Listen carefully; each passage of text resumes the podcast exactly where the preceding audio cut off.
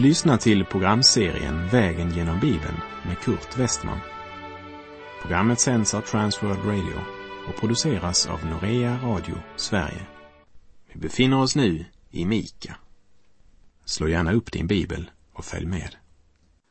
Vi har kommit till profeten Mika och kapitel 7 som talar om Israels förfall och nöd, men också om vägen från straff och till upprättelse. Vi avslutade förra programmet med orden från Mika 6.16 där Herren konkret talade om vart Nordriket var på väg och vilken konsekvens det skulle få när Gud lät dem drabbas av Guds dom. Man håller fast vid Omris stadgar och allt vad Ahabs hus har gjort. Ni följer deras råd. Därför ska jag göra dig till ett öde land och invånarna i staden till hån. Ja, mitt folks förakt skall ni få bära. I de sju första verserna av kapitel 7 stadfäster Mika att Herren har helt rätt i allt det som han anklagar Israel för. Mika vet att Herren har rätt och han är mycket djupt berörd. Han är allt annat än känslolös.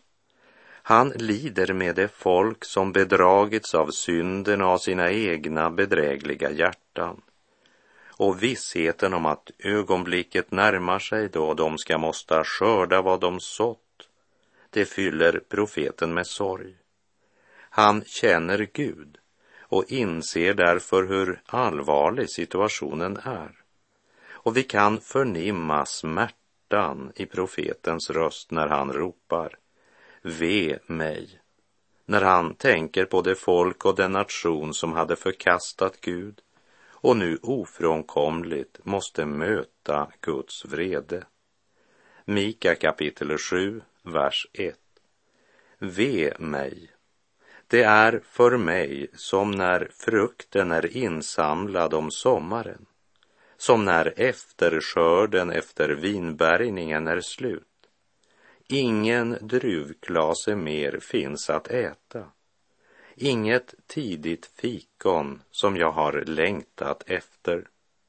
Mika är inte bara personlig, men han är också starkt påverkad av det budskap han ropat ut. Han säger inte ve er, men ve mig. Likt Jeremia så överväldigas Mika av budskapet. Det fyller honom med smärta och sorg. Det är inte lätt att förkunna det här budskapet, liksom det inte idag heller är lätt att frambära sanningens allvar för ett folk som är mera upptagna av att fly undan svårigheterna än av att få veta sanningen om varför man har hamnat där. Men om inte vårt folk och vår nation vaknar upp och vänder om från sina synder och sin gudlösa kultur så kan jag inte annat än ropa som Mika, ve mig. Det är för mig som när frukten är insamlad om sommaren som när efterskörden efter vinbärgningen är slut. Ingen druvklase mer finns att äta. Inget tidigt fikon som jag har längtat efter. När du läser orden om vinbärgning och om druvklasar så ska du komma ihåg att skriften ofta använder vinet som en bild på nationen Israel. Mika var profet vid samma tid som Jesaja. Och i Jesaja kapitel 5 talar han om Israel som Herrens vingård. Och i Jesaja 5, vers 2 står det. Han grävde upp den och rensade den från stenar och planterade där ädla vinstockar. Han byggde ett vakttorn mitt i den och högg ut ett prästkar. Sedan väntade han att den skulle bära äkta druvor, men den bar vilddruvor. Och här i Mika kapitel 7 talar profeten konkret om vilken frukt det var som Herren karaktäriserade som vilddruvor. Mika 7, vers 2. De fromma är försvunna från jorden. Ingen bland människorna är ärlig. Alla ligger de på lur efter blod. Var och en vill fånga den andre i sitt nät. Man kunde inte längre vara trygg när man gick ute på gatorna och vägarna. Och ekonomisk svindel tillhör idag en naturlig del av vardagsnyheterna. Ärlighet och gudsfruktan är i klar minoritet. Och fromhet, ja, det har blivit ett skällsord. Vi läser Mika 7, vers 3. Deras händer är skickliga i att göra det onda. Försten begär gåvor och domaren mutor. Den mäktige kräver öppet vad han har begär till. Så gör det gemensam sak. Handen, det talar om våra handlingar och gärningar och händerna som blivit skickliga att göra det onda säger oss att det inte bara handlar om ett syndafall men om att ha valt att leva i synden och välja det onda. Att begära gåvor och ta mutor, det talar om att handla orätt för att uppnå egen vinning. Det är girighet, makthunger och ärolystnad som är drivkraften. Försten och domaren. Det talar om politiska ledare och makthavare. Och idag kan man verkligen säga att människan öppet kräver det hon har begärt till. TV och veckopress är fyllda av omoral och gudsbespottelse. Allt heligt hånas, medan synden och orätten upphöjs och prisas. Och yttrandefriheten tycks gälla alla utom det gudfruktiga som vågar kalla synd för synd. Och här går mina tankar till Jesu ord i Matteus 24, verserna 37 till och med 39. Ty som det var i Noas dagar, så ska det vara vid Människosonens återkomst. Som människorna levde dagarna före floden, de åt och drack, gifte sig och blev bortgifta, ända till den dag då Noa gick in i arken. Och de visste ingenting förrän floden kom och ryckte bort dem alla. Så skall det vara vid Människosonens ankomst. Lägg speciellt märke till orden. Och det visste ingenting förrän floden kom och ryckte bort dem alla. Och så säger Jesus, så ska Människosonens ankomst vara. I Matteus 25 så säger Jesus att människans liv och vandring på jorden blivit så påverkad av synden att ondskans makt styr och präglar även det människan äter och dricker. Njutning och vällust, det styr på ett sådant sätt att man inte bekymrar sig om man bryter ner sin hälsa, bara man får det som man vill. Tygellöshet och frosseri präglade Noas tid. När det gällde äktenskapet så var också det genomsyrat av samma tankegång. Det vill säga, man gifte sig och blev bortgifta, inte bara en gång, men allt efter det man i ögonblicket kände behov för. Det var begäret, lusten och egoismen som styrde. Det egna jaget satt på tronen. Gud hade man varken tid eller lust att tänka på. Man ville inte tänka på honom. Eller som Mika uttryckte det, deras händer är skickliga att göra det onda. Man kräver öppet vad man har begär till. Så gör det gemensam sak. Enda räddningen för vår nation heter tillbaka till Guds ord.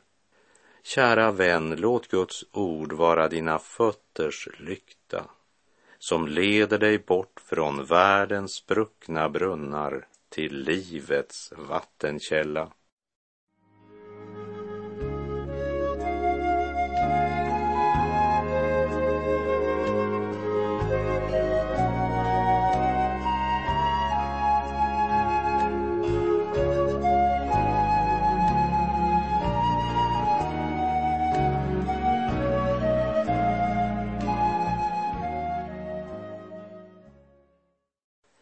Mika ropar ut sitt budskap till ett folk vars händer är skickliga att göra det onda.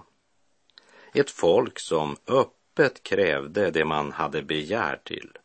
Och de flesta gjorde gemensam sak i allt detta. Profeten Mika kapitel 7, vers 4. Den bäste ibland dem är som ett törnsnår den ärligaste värre än en törnhäck.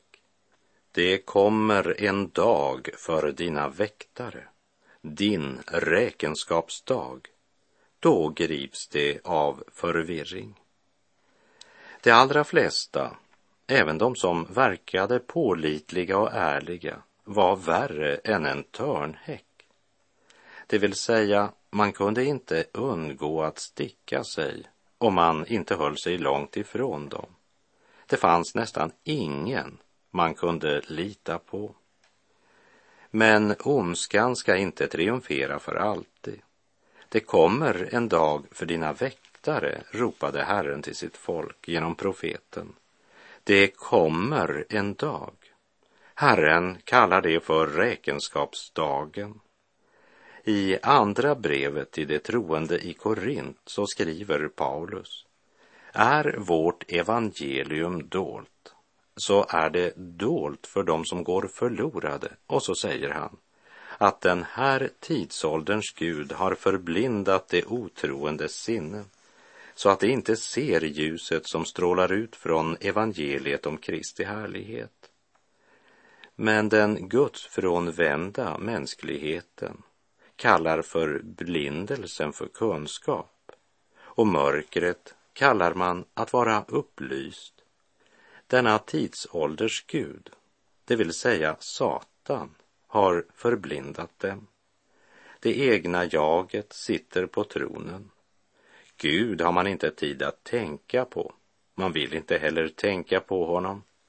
Man är upptagen av bekymmer för allt det jordiska, hus, bil, båt, pengar, ära, makt, njutning och vällust. Därför kommer också räkenskapsdagen som en total överraskning. Precis som för den ohederlige förvaltaren som Jesus talade om i Lukas 16.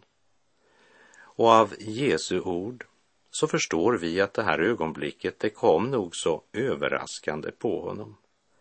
I den stund då han minst hade väntat det kom hans herre och ställde honom till svars. Och enligt Mika så kommer räkenskapsdagen lika överraskande över dem som skulle ha varit väktare, det vill säga de andliga vägledarna. Det kommer en dag för dina väktare, din räkenskapsdag. Då grips de av förvirring. Jesus talar om denna förvirring och rådlöshet i Lukas 21, vers 25. Tecken skall visa sig i solen, i månen och i stjärnorna. Och på jorden ska folken gripas av ångest och stå rådlösa vid havets och bränningarnas dån. Det som skall känneteckna vår tidsålders avslutning är alltså förvirring i nationerna. Och det är viktigt att komma ihåg att Jerusalem är världens centrum i Guds ögon. I Lukas 21, vers 29 och 30 står det Jesus gav dem också en liknelse. Se på fikonträdet och alla andra träd. Så snart ni ser att det knoppas förstår ni av er själva att sommaren redan är nära. Här vill jag citera ett ord från Hosea 9, vers 10. Som druvor i öknen fann jag Israel. Jag såg era fäder som förstlingsfrukter på ett fikonträd då det börjar bära frukt. Fikonträdet symboliserar nationen Israel. Israel är visarna på Guds urtavla. Men även de övriga nationerna, den rådande världssituationen, säger oss något om hur långt vi har kommit i vår tidshushållning. I Matteus 24, vers 7 säger Jesus Folk skall resa sig mot folk och rike mot rike och det skall bli hungersnöd och jordbävningar på den ena platsen efter den andra. Detta ska alltså känneteckna hela tidsåldern, det vill säga från Jesu himmelsfärd till hans återkomst. Falska messiaser, rykten om krig, hungersnöd, jordbävningar ska prägla hela den nytestamentliga tidsåldern, som ju är den sista. Det är den bild Gud tecknar av vår tidsålders avslutning. Och ju närmare änden vi kommer, desto oftare och kraftigare ska detta förekomma. Låt mig här bara påminna vad Mika sa i kapitel 6, vers 8. Han har kungjort för dig, o människa, vad gott är. Vad begär väl Herren av dig? Annat än att du gör vad rätt är, att du älskar barmhärtighet och vandrar i ödmjukhet med din Gud. Men människorna, de älskade mörkret och inte ljuset, eftersom deras gärningar var onda. Ty var och en som gör det onda hatar ljuset och kommer inte till ljuset för att hans gärningar inte ska avslöjas, säger Jesus i Johannes 3. Man kallade syndens mörker för ljus och så blev man förblindade.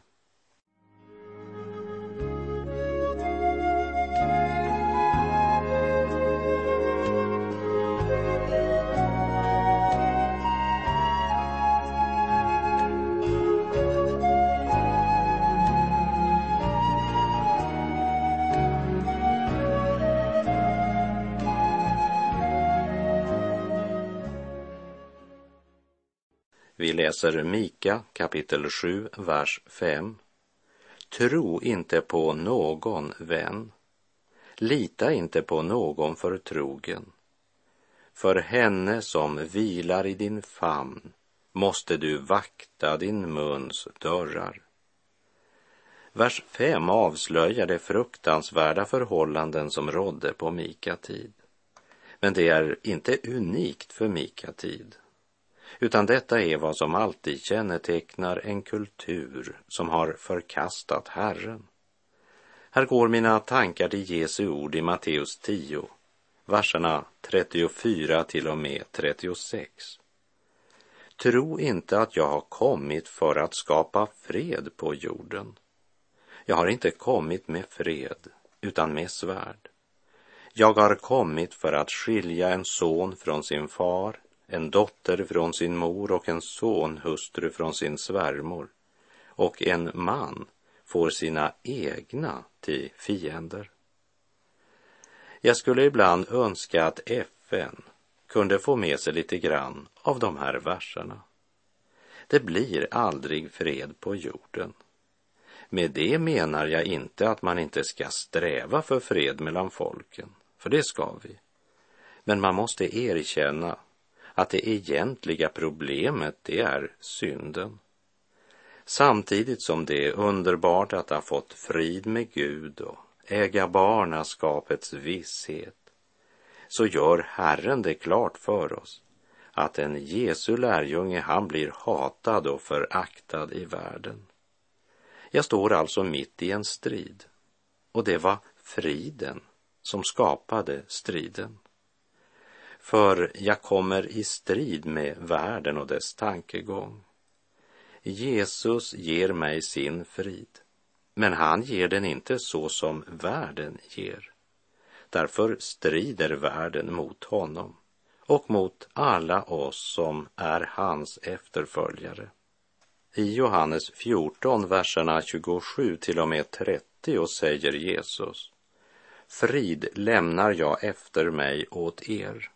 Min frid ger jag er. Inte ger jag er en sån frid som världen ger. Låt inte era hjärtan oroas och var inte modlösa. Ni har hört att jag har sagt er, jag går bort och jag kommer till er igen. Om ni älskade mig skulle ni glädjas över att jag går till Fadern, ty Fadern är större än jag. Och nu har jag sagt det till er innan det sker, för att ni ska tro när det har skett. Det är inte mycket mer jag kommer att säga er, ty denna världens förste kommer. Mot mig förmår han ingenting. Jesus kallar Satan för denna världens förste. Men Jesus har besegrat Satan. Så mot Jesus förmår han ingenting. Men så länge ondskan regerar på denna jord måste alla Guds barn strida trons strid och vara beredda att möta förakt och hat ifrån den värld och de människor som har förkastat Gud. Aldrig har väl en mans ord varit mindre värt än i vår tid. Vi kan inte lita på det som förmedlas i tv-nyheter eller dags och veckopress. Vi kan inte lita på våra politiker eller på dem som skulle vara våra andliga vägledare. Du bör pröva allt på Guds ord. Och ska du göra det måste du regelbundet studera din bibel. Pröva allt på Guds ord. Även andlig undervisning. Också programmet Vägen genom Bibeln ska du testa på ordet slå upp och läs Guds ord. Som du kanske minns från vår vandring genom Apostlagärningarnas sjuttonde kapitel så stod det där att judarna i Berea, de var mer öppna än de i Thessalonike. Att de tog emot ordet med all villighet och forskade dagligen i skrifterna för att se om det kunde förhålla sig så. Och i en annan översättning står det att de var mer vidsynta och forskade dagligen i skrifterna för att se om allt detta stämde. Här handlar det alltså om tänkande människor som visste att Gud genom Gamla testamentets profetskrifter hade utlovat en räddningsman, en frälsare, Messias. Och de tar sig tid prioriterar att grundligt studera skriften för att komma till klarhet om denne Jesus som Paulus förkunnade verkligen var den utlovade Messias. De undersökte noggrant om Paulus vittnesbörd stämde överens med lagen och profeterna. Och det är sådana människor som Guds ord kallar för vidsynta i en upp och nervänd värld, där kallas man för vidsynt om man inte är så noga med vad Gud säger i sitt ord. Genom profeten Mika varnade Herren sitt folk och sa att de inte skulle lita på någon förtrogen. Till och med för henne som vilar i din famn måste du vakta din muns dörrar. Och så fortsätter han Mika 7, vers 6. Ty sonen föraktar sin far, dottern trotsar sin mor, sonhustrun sin svärmor och var och en har sin egen familj till fiender. Och långt senare så förkunnade Jesus att just detta skulle komma att ske i långt större grad vid tidsålderns avslutning, även om det var något som redan på Mika-tid präglade vardagen. För det är de förhållanden som råder i en kultur utan Gud. Förtryck, upplösta hem, svartsjukedrama, omoral, bedrägeri, rån, mord och drogmissbruk. Vi lever i en tid då allt måste bevakas och kontrolleras. Vår nation ruttnar upp inifrån. En hustru kan inte lita på sin man och mannen inte lita på sin hustru. En anställd inte lita på sin arbetsgivare och arbetsgivaren inte lita på sina anställda. Egoismen har blivit människans ledstjärna. Omoralen har blivit tidsfördriv och Guds bespottelse räknas som underhållning. Mörkret har väl aldrig varit större i vårt land. Och det är en av orsakerna till att vi i Norea Radio sänder Guds ord genom radion. Gud välsigne alla er som genom era förböner och ert ekonomiska stöd hjälper oss att sända evangeliets ljus över Sverige och över alla andra världsdelar. Jesaja 9.2 säger Det folk som vandrar i mörkret ska se ett stort ljus. Över dem som bor i dödsskuggans land skall ljuset stråla fram. Evangeliet om Jesus Kristus strålar som en morgonstjärna över en jord full av gravar och tänder hoppets ljus över en värld som lever i mörker.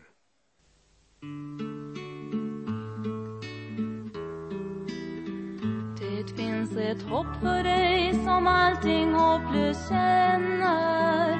Det finns ett ljus som driver mörkret bort. Det läkdom finns för ovisshet som bränner. Men sök idag, ty nådens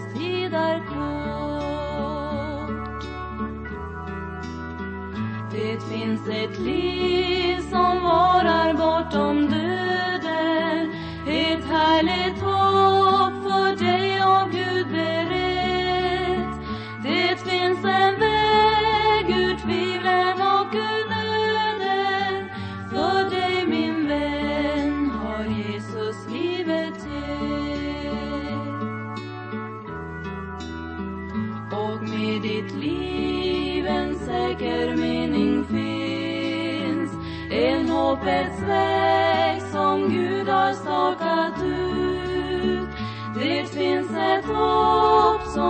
blott vid korset finns. Det finns ett hopp som aldrig skall ta slut.